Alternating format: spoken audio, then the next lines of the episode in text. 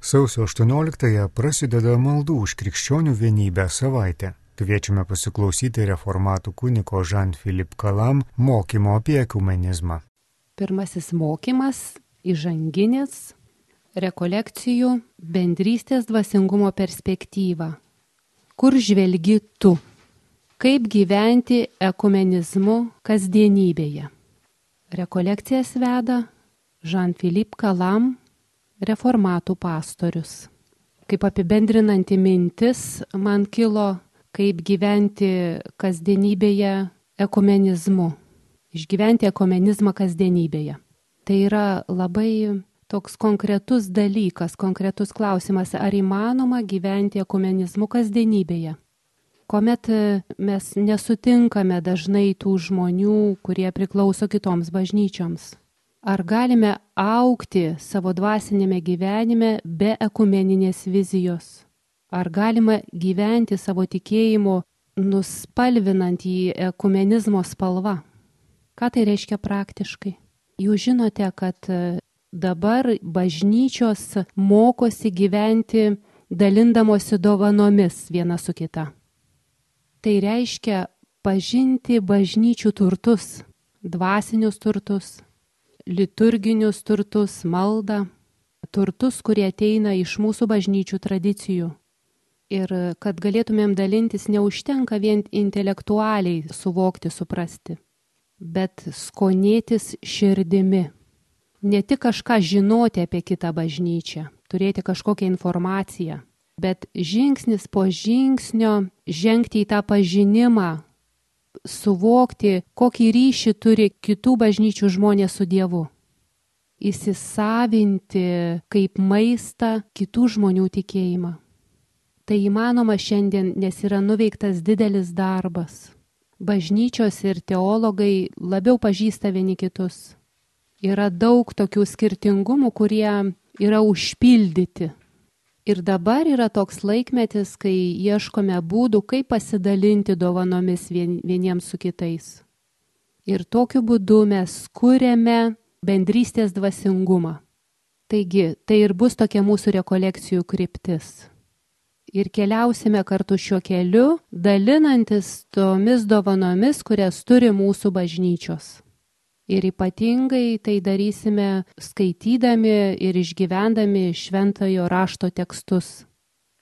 Mes skaitysime ir apmastysime tuos tekstus kaip skirtingi žmonės, kaip su kiekvieno su ypatingu savo jautrumu, savo prieimimu Dievo žodžio.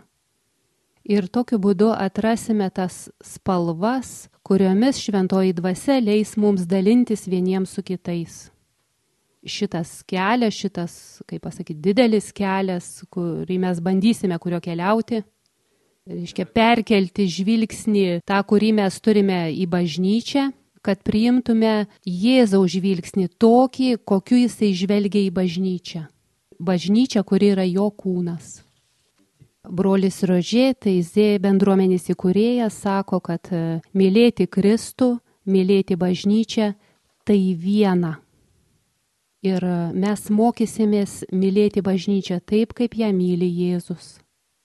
Ar įmanoma pažinti tą meilę, kurią Jėzus myli bažnyčią? Tai įmanoma, jeigu šventoji dvasia mums leidžia pažinti. Ir ji tai daro nuolat padarydama aiškesnį, vis labiau atskleisdama mums Dievo žodį. Ir kartu mus subūrė šlovinimui ir maldai. Kuo labiau prieartėjame prie Kristaus šventosios dvasios dėka, tuo labiau Jėzus suteikia mums tą galimybę mylėti bažnyčią. Mylėti taip kaip Jėzus, tai reiškia mylėti ne tik savo bažnyčią, bet mylėti bažnyčią. Ir kaip priemonės pasitelksime Dievo žodį, šventą įraštą ir savo dvasinę patirtį.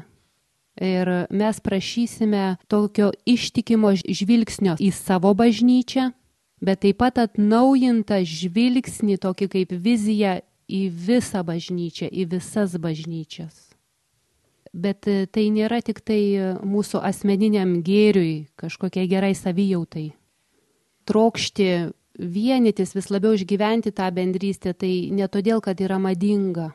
Mūsų suskaldytas pasaulis yra labai reikalingas krikščionių vienybės. Mes negalime viltis, kad taika bus pasaulyje. Jeigu krikščionis užmiršta atsakomybę vienytis. Krikščionių vienybė turi būti šaltinis pasauliui. Jeigu krikščionis nesugebės tikrai susivienyti, kaip pasaulis gali tada dirbti taikos labui? Jėzus laukia iš savo mokinių, kad jie gyventų bendrystėje. Ir tai yra būtinas pasauliui šaltinis. Ir jeigu šios šviesos trūksta, niekas negali užpildyti, lieka tuštuma. Jeigu šios trūksta šios vienybės šviesos tarp krikščionių. Pradedant kiekvienas rekolekcijas, pirmasis labai svarbus žingsnis yra stotis Dievo meilės akivaizdoje. Dievo meilės vartai, pro kuriuos mes įžengsime, bus prisartinti prie Jėzaus. Mūsų užduotis bus prisartinti prie Jėzaus. Padedant dviems žmonėms, kaip mes, jie buvo artimi Jonui Krikštytojui. Ir vieną dieną Jonas Krikštytojas mato praeinantį Jėzų ir jis rodo į Jėzų ir sako jiems, tai Dievo avinėlis, Dievo tarnas. Skaitysime šį tekstą Taigi, Evangelija pagal Joną, pirmas skyrius, 35-39 eilutės. Kita diena tenai vėl stovėjo Jonas ir du jo mokiniai. Išvykęs ateinantį Jėzų, jis tarė, štai Dievo avinėlis. Išgirdę tuos žodžius, abu mokiniai nuėjo paskui Jėzų. O jis atsigrėžė ir pamatęs juos sekančius paklausė, ko ieškote? Jie atsakė, Rabi, tai reiškia mokytojau, kur gyveni? Jis tarė, ateikite ir pamatysite. Tada jie du nuėjo, pamatė, kur jis gyvena ir tą dieną praleido pas jį. Tai buvo apie dešimtą valandą. Tie du vyrai prisartina prie Jėzaus. Jie jau išgirdo jautrų Jėzaus kalbėjimą, tą subtilų Jėzaus kalbėjimą. Jėzus galbūt girdi tuos akmenėlius, kurie šiukžda, kuomet mokiniai jį seka. Jis atsisuka ir klausia, ko ieškote. Ir jie nesako, neklausia, kas esi tu, nes tai bus nu, labai greitai, per greitai, bet klausia, kur tu gyveni, kur tu būni. Šitas klausimas yra toksai pranašiškas, nes proceso metu pilotas paklaus, iš kur tu, Tai yra Jono 19 skyrius 9 eilutė. Ir jau dabar galime skonėtis tuo Jėzaus paprastu atsakymu. Labai paprastas ir konkretus atsakymas. Ateikite ir pamatysite. Jėzus e, nepasakė kaip jokio mokymo, jokių daug išmintingų žodžių apie savo kaip Dievo sunaus tapatybę. Ta vakarą jis nepanorėjo jokių samprotavimų jis nori išmokyti gyvenime ir gyvenimiškai. Jis nenori atsitolinti nuo savo konkretaus gyvenimo ir nuo konkretaus tų vyrų gyvenimo. Tikriausiai tuo metu jisai gyveno tokia laikinoje pastogėje ant Jordano kranto, kaip gyvendavo daugelis piligrimų. Ir jisai kviečia, ateikite ten ir pamatysit. Ir žingsnis po žingsnio tokiu būdu jis atsiveria mokiniams, kas jis toks yra. Tai yra įvyks per tokį dalinimąsi tarpusavio dovanomis, per buvimą kartu. Ir Jėzus supranta, kad e, reikia laiko, kad žmonės vieni kitus pažintų. Ir mes visi turime tą patirtį, kai nueiname pas ką nors į svečius, mes labai daug suprantame apie tą žmogų. Ir e, kartais, jeigu yra toksai klausimas, ar jūs gyvenate pas savo tėvus, tai e, tas klausimas, e, reiškia, yra, jisai reiškia, kad yra, noriu daugiau sužinoti apie tą žmogų, kas jis yra. Ir kai mes matome tą vietą, kur gyvena žmogus, mes suvokiame daug dalykų apie jo skonį, apie jo asmenį, galbūt jo istoriją, galbūt tai, kas įdomina, jo vertybės, Ir tai pasako mums daug daugiau negu kažkokia nu, teorinė diskusija. Ir mokiniai praleidžia keletą valandų su Jėzumi ir Evangelija mums sako, kad tai buvo vakaras, dienos pabaiga, kažkur tai apie 16 valandą. Rytojaus rytą tie patys vyrai savo širdyse jie nueina didžiulį kelią, nes trokšta nu, dalintis tuo įsitikinimu, kad mes suradome mokytoją, Mesiją. Norėčiau dabar pasidalinti tokia patirtimi, kurią išgyvenau prieš 30 metų parapijoje. Tai tokios dvi mažų vaikų grupės, kurie tiesiog buvo mokomi katechezės. Ir mes tuomet buvome su katechetėmis tokioje vienuolių seserų bendruomenėje. Dviem dienom ten buvom nuvykę. Tiem vaikam buvo tarp 8 ir 10 metų. Mes papasakojame šią Evangeliją ir mes sakom, Evangelija mums nepasakoja, nepasakoja, ką Jėzus veikė su mokiniais nuo 16 valandos iki kito ryto. Kaip jūs galvojate, ką jie veikė? Ir paskirstė į tokias nedidelės grupės ir tie vaikai turėjo suvaidinti, kągi Jėzus su mokiniais veikė. Ir tos grupės viena kitai parodė, suvaidino tas idėjas, tas, ką galvojo tie vaikai, kągi Jėzus veikia su mokiniais. Aš prisimenu tris svarbes scenas, kad tą vakarą Jėzus ir mokiniai labai paprastai ir džiaugsmingai žaidė. Tai yra nuostabus būdas pažinti vieniems kitus. Antroji scena, tuo metu, kai Jėzus su mokiniais nuėjo gultis, liko vienas tarnas, kuris plovė indus ir tvarkė namus. Ir tas tarnas taip pat nuėjo gultis, bet jis buvo vienintelis, kuris neturėjo apkloto, užkloto, neturėjo už ko užsikloti. Ir tuomet, kai jisai užmygo, Jėzus atsikėlė ir labai atsargiai savo užklotu apklojo tą miegantį tarną. Ir Jėzus nebeturėjo užkloto ir miegojo taip. Ir trečioji scena, auštant, dar nepatekėjus sauliai, Jėzus išėjo tuo metu, kai kiti dar miegojo, jisai išėjo melstis į gamtą, meldės gamtoje. Ir grįždamas jisai tai savo draugų grupiai parnešė kruasanų pusryčiams. Tai tų saldžių, garsių prancūziškų piragaičių. Tai yra vaikų turtas jie labai gerai suprato, kad Jėzus yra tam pažįstamas kaip asmo gyvenimo konkretybėje, tam konkrečiam gyvenime. Būtent tuo met jis leidžia suprasti, kad jis yra Dievo sūnus, pažinti kaip Dievo sūnų, ne tik stebuklų dėka, bet pirmiausia dėl savo gerumo, per savo gerumą jis leidžiasi atpažįstamas kaip Dievo sūnus. Tai leidžia mums suaugusiems suprasti keletą labai svarbių dalykų, kad e, per savo tokius konkrečius gerus darbus, per tokius konkrečius ženklus Jėzus atskleidžia tėvo gerumą. Ir jis tai daro konkrečioje žemėje, kaip konkretus konkrečios tautos atstovas. Ir jis leidžia suprasti, kad jis tikrai yra mesijas, tas lauktasis. Reiškia, žmonės atpažįsta tie, kurie su juo pasilieka keletą valandų arba galima pasakyti, kurie išgyveno tokias e, svarbes, tokias kertinės akimirkas su juo. Tų vaikelių dėka galime labai paprastai apibriežti. Dievo karalystė prisertino ir ji tapo matoma tuo būdu, kokiu Jėzus gyveno kaip e, žmogus žemėje. Jis iš tiesų yra Dievo sūnus, nes jis ateina iš Dievo ir atskleidžia Dievo gerumą bet kartu jis atskleidžia mums tikrąjį žmogaus veidą. Jisai išpildo tikrą žmogaus pašaukimą. Ir tų vaikelių pavyzdžiai mums atskleidžia, kad tai yra atpažįstama, kad tai yra įvykdoma tiesiog gyvenime. Ko ieškote, kuomet Jėzus klausia ir jisai klaus kiekvieno iš mūsų, tai jisai nori tokio konkretaus tikslaus atsakymo ir kaip pirmą dovaną, kaip malonę galime prašyti, reiškia, likti išbūti su Jėzumi. E, reiškia, vaikai gali likti su kažkuo net, nu, kas kelia nuobodolį, kaip pasakyti, kas nusibosta. Bet ir taip pat mes, net, net jeigu mums truputį gal nusibos, atrodys nuobodu, bet mes vis tiek likime su juo.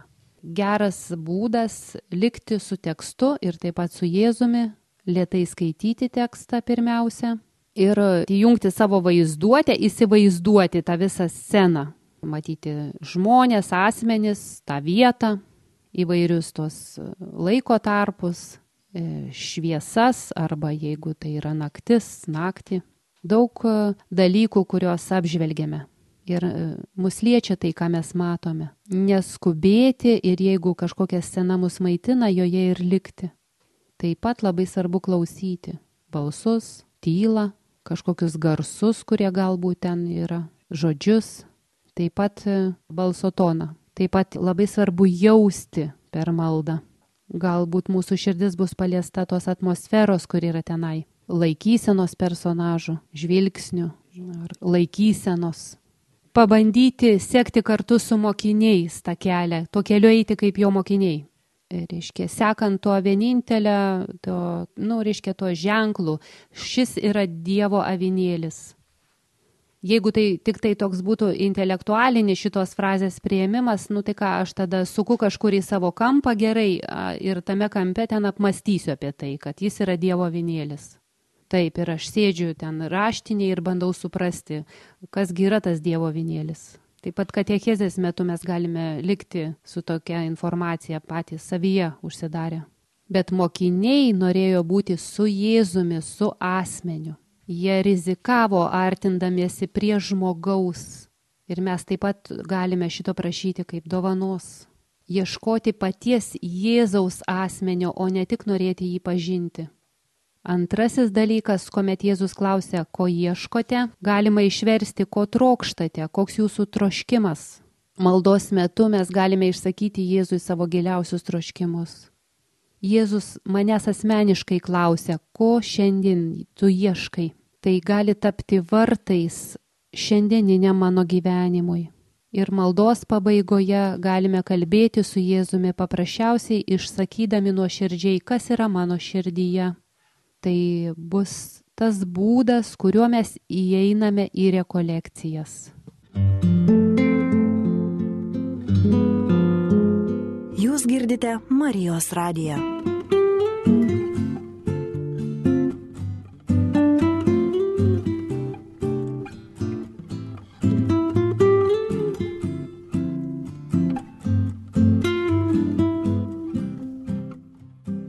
Antrasis mokymas apie Dievo meilę nuo mano žvilgsnio į jo žvilgsnį. Akcentas bus ieškoti, trokšti ir priimti Dievo žvilgsnį į mane, kaip jis į mane žvelgia.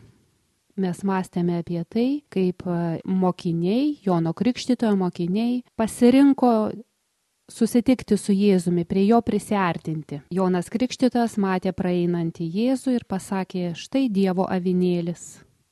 Jie galėjo tiesiog taip probėgšmiais pažvelgti į praeinantį Jėzų, kaip mes pažvelgėme į kažką einantį gatvę. Bet jie įdėmiai įsiklausė į tai, ką pasakė Jonas Krikštytojas. Ir nuo to išorinio žvilgsnio tokio atsitiktinio, jie perėjo į tą vidinį žvelgimą į Jėzų. Ir e, tokiu būdu vidiniai pažino Jėzų, tuo vidiniu pažinimu. Šventasis Ignacas tai vadina vidiniu Dievo pažinimu, iš vidaus pažinti Dievą, Jėzų. Tai toks e, patirtinis pažinimas, pažinimas iš patirties ir tokiu būdu Jėzus gali duoti mums tai, ką jisai turi, kas jisai yra. Ir kaip e, Jėzus e, mes esame kviečiami nuo to išorinio, paviršutiniško žvilgsnio mestis į tą vidinį regėjimą. Visoje Biblijoje yra tokia ypatinga dinamika labai aiškus ryšys tarp regėjimo, matymo ir klausimosi. Visada pirma yra klausimasis, klausyti, nes Dievas visą sukūrė žodžiu iš didžiosios raidės. Kodėl jisai pasirinko visą kurti žodžiu? Tai, kad mes liktume laisvi, jis palieka mums atsakymo laisvę. Jei mes taip tiesiogiai išvystumėm Dievą, mes būtume paralyžiuoti nuo jo didybės. Tai būtų toks akinantis apstulbimas, kuris mus apakintų. Ir priešingai, balsas, kuris mus kviečia, tasai žodis mums siūlo meilę. Tasai žodis žadina mūsų laisvę. Ir mes galime naudotis tą laisvę pasakyti jam taip arba ne yra vienas būdas dar yra pasakyti ne, tai atidėti atsakymą ne, ne dabar. Bet kuomet mes klausomės viešpatie žodžio ir pasakome jam taip, mes įžengėme į kelią, kuomet vis labiau pažįstame viešpati. Yra prancūzų kalboje žodis comprendre, tai yra e, paimti kartu su savimi. Reiškia, šaknis yra prandar paimti. Tai reiškia, yra žinia, kurią aš turiu įsisavininti, paimti su savimi, suimti į save. Kai kažkas mums sako, tave myliu, mes galime patikėti ir tiesiog esame paliečiami tos meilės. Arba galime tą žodį per atstumą tokį išlaikyti ir neleisti prisiliesti prie savęs. Jei mes klausome Dievo ir įsisaviname, priemame tai, ką Jis mums sako, mumise išsiskleidžia vidinis regėjimas. Mes nematėme Jėzaus, nematėme jos mens, bet kuo labiau apmastome Evangelijas, tuo labiau pažįstame Jėzų, kuris gyvena mūsų širdyse. Ir tiesiog, kuo labiau apmastome Evangelijas, mes susitinkame Jėzaus žvilgsnį, mes apsikeičiame su Jėzumi žvilgsniais, reiškia tų meditacijų, kontempliacijos metu. Ir tas apsikeitimas žvilgsniais, jo žvilgsnis į mus keičia mūsų gyvenimus. Mes visi žinome, kad e, kito žmogaus žvilgsnis e, daro įtaką mano gyvenimui. Ir juo labiau Jėzaus žvilgsnis įtakoja mūsų gyvenimą. Yra Meksikoje gentis, kurioje, kai žmonės susitinka, neklausia, kaip tu gyveni, kaip tau sekasi, tai būtų kaip tu žvelgi arba kaip gyvuoja tavo žvilgsnis, jeigu tiesiogiai vertimas būtų. Tas žvelgimo patirtis yra labai svarbi, kuomet mokomės vairuoti. Mokykloje, kurioje mokėsi vairuoti Žan Filipas, pirmoji taisyklė - kur tu žiūri. Jeigu aš sako žiūriu lygiai, nu, stautiesiai prieš vairą, tai yra labai pavojinga. Ir jeigu aš žiūriu visur aplinkui, tai taip pat pavojinga. Ir moko žvelgti teisingai, žiūrėti ten, kur reikia, kad galėtumėm gerai vairuoti. Ta pati taisyklė galioja ir mm, ekumeniniam bažnyčių susitikime. Labai svarbu, kur mes žvelgiame, kur padedame tą žvilgsnį, jeigu tiesiogiai, va kaip tėvas sako. Iš kur ir į kur. Tai įtakoja kaip mes pagauname tą realybę aplinkui. Taip pat e, kaip žvelgiame įtakoja ir mūsų laikysena bažnyčioje, savo bažnyčioje. Taip pat e, įtakoja tą būdą, atsiverimą, gebėjimą dialoguoti, kalbėtis.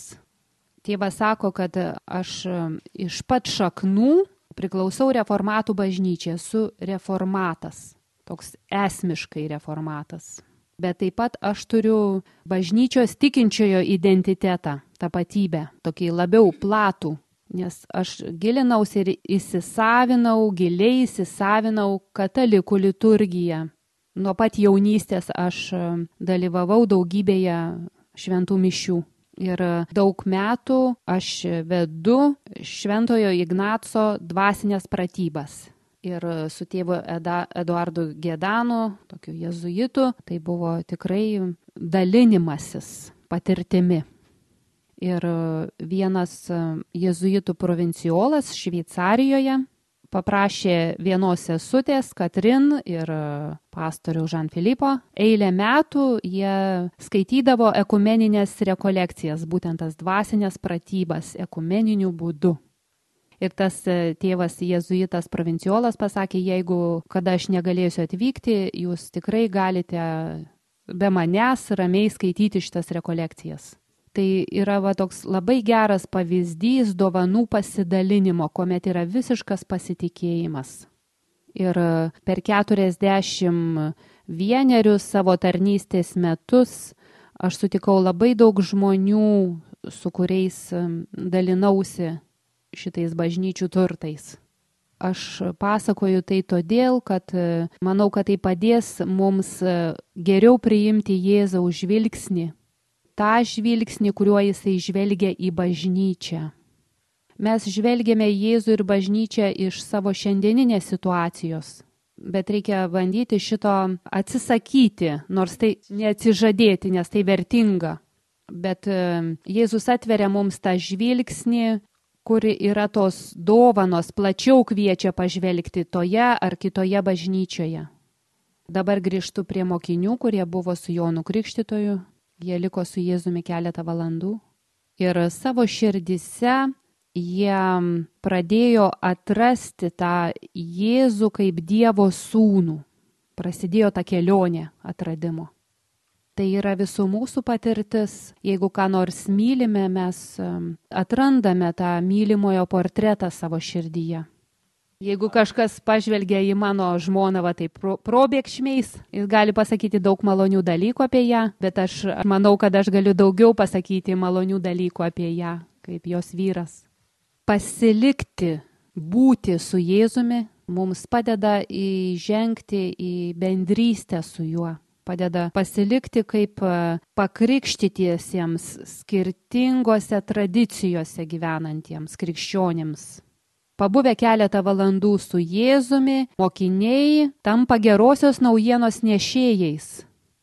Jie išeina, kad praneštų, kad Jėzus yra Mesijas Kodėl jie nesaugojo šitos naujienos savo patiems? Nes e, Jėzaus ateimas į pasaulį visiškai pakeičia galimybę gyventi pasaulyje, suteikia naują galimybę. Tai, kad Mesijas atėjo į žemę, keičia žmonijos gyvenimą. Ir mano žvilgsnis visiškai pasikeičia, jeigu aš žvelgiu į pasaulį kaip Jėzus arba kartu su Jėzumi. Visoje Biblijoje žmogus, kuris atranda Dievą, nebegali žvelgti į pasaulį savo paties akimis. Žmogus, kuris pažino Dievą, nebegali spręsti, kas yra gera ir bloga, pats nebegali spręsti bet jis atranda tą naują žvilgsnį, kai 50-oje psalmėje psalmistas sako, padariau tai, kas bloga tavo akise. Jisai, kaip pasakyti, pradeda suprasti, kas Dievui nepatinka, kas jam nepatinka. Reiškia, persikelia, kryptis pasikeičia, persikelia svorio centras. Nes vienintelis Dievas pažįsta gyvenimą ir žino, kas yra gera mano gyvenimui tik jis mus gali įspėti, kas yra mums kenksminga mūsų gyvenimui. Ir kuomet yra labai daug gerų dalykų, tarptų daugybės gerų dalykų, jis padeda mums pasirinkti pačius geriausius dalykus. Ir Evangelijoje mes sutinkame žmonių, kurie pasirinko žvelgti į pasaulį Jėzaus žvilgsniu ir kartu su Jėzumi. Jie tai daro todėl, kad suvokė, jog tai yra laisvės kelias, kad tai yra laisvė. Popiežius Pranciškus e, mėgsta pasakoti savo pašaukimo istoriją. Ir jisai dažnai kalba apie Jėzaus žvilgsnį į matą. Kuomet Jėzus pažvelgia į matą, tai yra žvilgsnis ir yra gailestingumas. Ir popiežius Pranciškus sako, Jėzus į mane pažvelgė ir buvo man gailestingas ir jis tai kalba prisimindamas e, tokį kertinį savo gyvenimo įvykį. Ir taip pat šiandienos Evangelijos tekstas, kurį skaitysime, tai yra Jėzaus pakvietimas žvelgiant. Toks Jėzaus pažvelgimas ir pakvietimas. Evangelija pagal Joną, pirmas skyrius, 40-51 eilutės. Vienas iš tų dviejų, kurie girdėjo Jono žodžius ir nuėjo su Jėzumi, buvo Simono Petro brolis Andriejus. Jis pirmiausia susieškojo savo brolį Simoną ir jam pranešė, radome Mesiją, išvertus tai reiškia Kristų. ir nusivedė jį pas Jėzų. Jėzus pažvelgė į jį ir tarė, tu esi Simonas Jono sūnus, o vadinsies Kefas, tai reiškia Petras uola. Dar kitą dieną, išvykdamas į Galilėją, Jėzus sutiko Pilypą ir jam tarė, sek paskui mane. Pilypas buvo kilęs iš Betsaidos, Andriejaus ir Petro gimtojo miesto. Pilypas susitiko Natanaelį ir sako jam, radome tą, apie kurį rašė Mozė įstatymę ir pranašai. Tai Jėzus iš Nazareto, Juozapo sūnus. Natanaelis atšovė, ar iš Nazareto gali būti kas gero.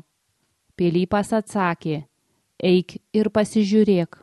Pamatęs ateinantį Natanaelį, Jėzus pasakė apie jį. Štai tikras izraelitas, kuriame nėra klastos. O Natanaelis jam sako, iš kur mane pažįsti? Jėzus atsakė, prieš pakviečiant tave Pilypui, aš mačiau tave po figmedžiu. Natanaelis sušuko, rabi, tu Dievo sūnus, tu Izraelio karalius. Jėzus atsakė, tu tiki, kadangi pasakiau tave matęs po figmedžiu, tu pamatysi didesnių dalykų. Ir pridūrė, iš tiesų, iš tiesų sakau jums, Jūs matysite atsivėrusi dangų ir Dievo angelus, kylančius ir nusileidžiančius ant žmogaus sūnaus. Šitame tekste galime atrasti keletą tokių labai skirtingų situacijų, kuomet Jėzus žvelgia, kuomet jeigu vat, pažvelgtume į jo žvilgsnį, į žmonės. Pirmasis yra Simonas, kuriam Jėzus pasako, tu vadinsies Kefas, Petras. Šitoje situacijoje galime nujausti, kad Jėzus jau nusako Dievo planą Simonui. Jis, e, Jėzus atskleidžia jau vieną dalį, e, kuri yra viduje, bet kuri dar nu, neapsireiškė, neatsiskleidė. Iš to pavyzdžio galime suprasti, kad kai Jėzus mus pašaukė kiekvieną, jis jau, kaip pasakyta, preiškė tokią viziją, bendrąją viziją, koks bus mūsų kelias. Bet e, taip pat yra kita situacija su Filipu, kurį taip pat Jėzus pašaukė, bet nežinome, kas nutiko. Tačiau pakvietimas toks aiškus, kad e, Filipas jau nebegali išsisukti ir jis nueina paskui Jėzų. Daugybė žmonių yra taip, jie tiesiog, e, galima sakyti, yra mūsų situacija. Mes nusekam paskui Jėzų ir sekame jį žingsnis po žingsnio. Ir tas atlyginimas yra tai, kad mes jau esame su juo. Ir dar yra viena situacija su Natanaeliu. Jo nuostata labai yra aiški, jo žvilgsnis yra labai aiškus, kuomet kalbame apie kažką, kas ateina iš Galilėjos ar gali kas būti ten gero iš to krašto.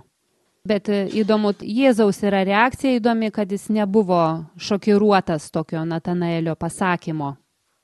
Yra labai svarbu, kad e, tas dialogas, pokalbis su Jėzumi, jis turi būti toks tiesus, tiesia kalbiškas.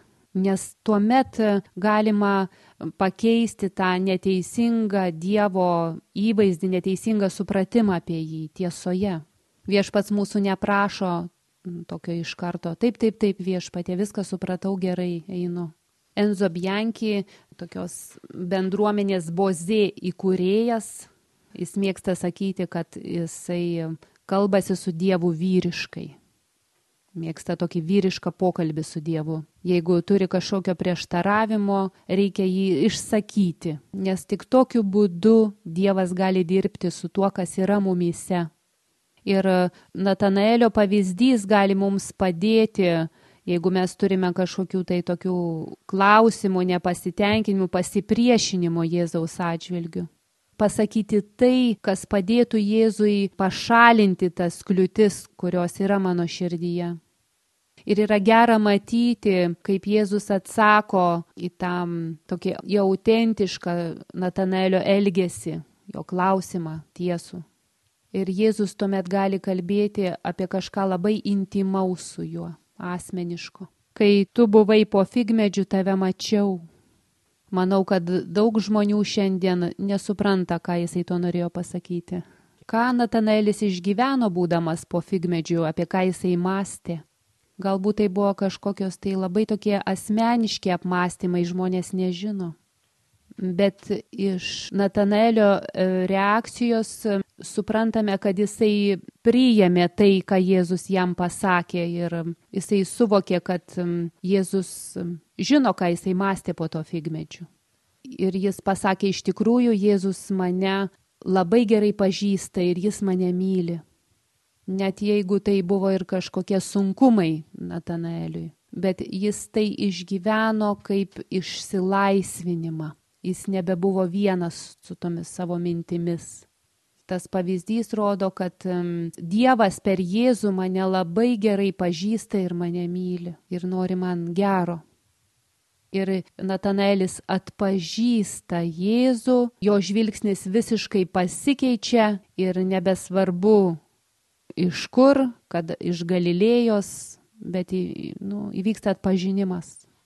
Ir Jėzaus atsakymas yra, kad tavo gyvenime vis labiau ir labiau atsivers durys, tai reiškia vartai po vartų atsivers tavo gyvenime. Ir yra tokie psalmės žodžiai, kad mes keliaujame per kalvas, žengėme nuo kalvos į kalvą ir Dievas mums apsireiškia ant Jeruzalės kalno, ant Jono kalno. Tai galbūt įreiškia tai, ką Jėzus sako, kad jūs matysite atsivėrusi dangų ir Dievo angelus kylančius ir nusileidžiančius ant žmogaus sūnaus. Galbūt tai yra aluzija į Jokūbo kopiečias Senajame testamente, kada jisai sapnavo kopiečias į dangų ir angelus, nusileidžiančius ir kylančius aukštyn. Ir per šį sapną Dievas patvirtino savo sandorą su Jokūbu. Natanaeliui taip pat prasideda gyvenimas naujoje sandoroje. Kaip Jokūbas pasakė, Dievas yra čia, aš nežinojau. Ir Natanaelis gali pasakyti, kad va, Mesijas yra čia ir aš to nežinojau. Keletas tokių nuoradų maldos laikui. Rekomenduoja pradėti tą maldą, prašant dovanos iš Dievo. Leistis, kad Jėzus į mane žvelgtų. Priimti Jėzaus žvilgsnį į mane Mes kalbėjom apie tai, kad kito žmogaus žvilgsnis daro didelį įtaką mano gyvenimui. Bet uh, užduotis pati svarbiausia yra mums pirmiausia leisti Jėzui žvelgti į mane. Galbūt kaip ir Natanaelis mes priešinsimės, apie tai galime kalbėti su Jėzumi, jam tai pasakyti. Tai būtų proga prisiminti savo gyvenimą, kokiuose situacijose Jėzus į mane pažvelgė ir mane pašaukė ir ką aš atradau, kokius gėrius, kokius atradau iš tų susitikimų, ką aš gavau gero. Ir kad nesijaustumėm vieni šitoj kelioniai, tėvas rekomenduoja medituoti šitą tekstą, tuos skirtingus susitikimus ir skirtingus žvilgsnius. Galbūt jūs sustosite daugiau ties Simonu, arba ties Filipu, arba Natanaeliu. Ir tai gali vykti visiškoje tyloje, tokioje ramybėje, ir baigiant maldą išsakykite Jėzui, kaip jūs tuo metu jaučiatės. Ir po maldos, čia pagal Ignacą, būtų patarimas užsirašyti keletą akimirkų, kaip praėjo malda. Net jeigu ir sunkoka tai padaryti, iš tos maldos yra sunkoka patirtis, bet yra gera užsirašyti, nes po keleto dienų matysime, kaip nu, viskas vystėsi, kaip ėjosi toliau. Tėvas nori užbaigti teizė giesme, Jėzus Kristus, vidinė šviesa. Jėzau, neleisk man likti tamsoje, bet leisk man priimti tavo meilę. Jésus le Christ, lumière intérieure, ne laisse pas mes ténèbres me parler. Jésus le Christ, lumière intérieure, donne-moi d'accueillir ton. Girdėjote reformatų kunigo Žan-Filip Kala mokymą apie ekumenizmą. Sausio 18 dieną prasidėjus maldų už krikščionių vienybę savaitė.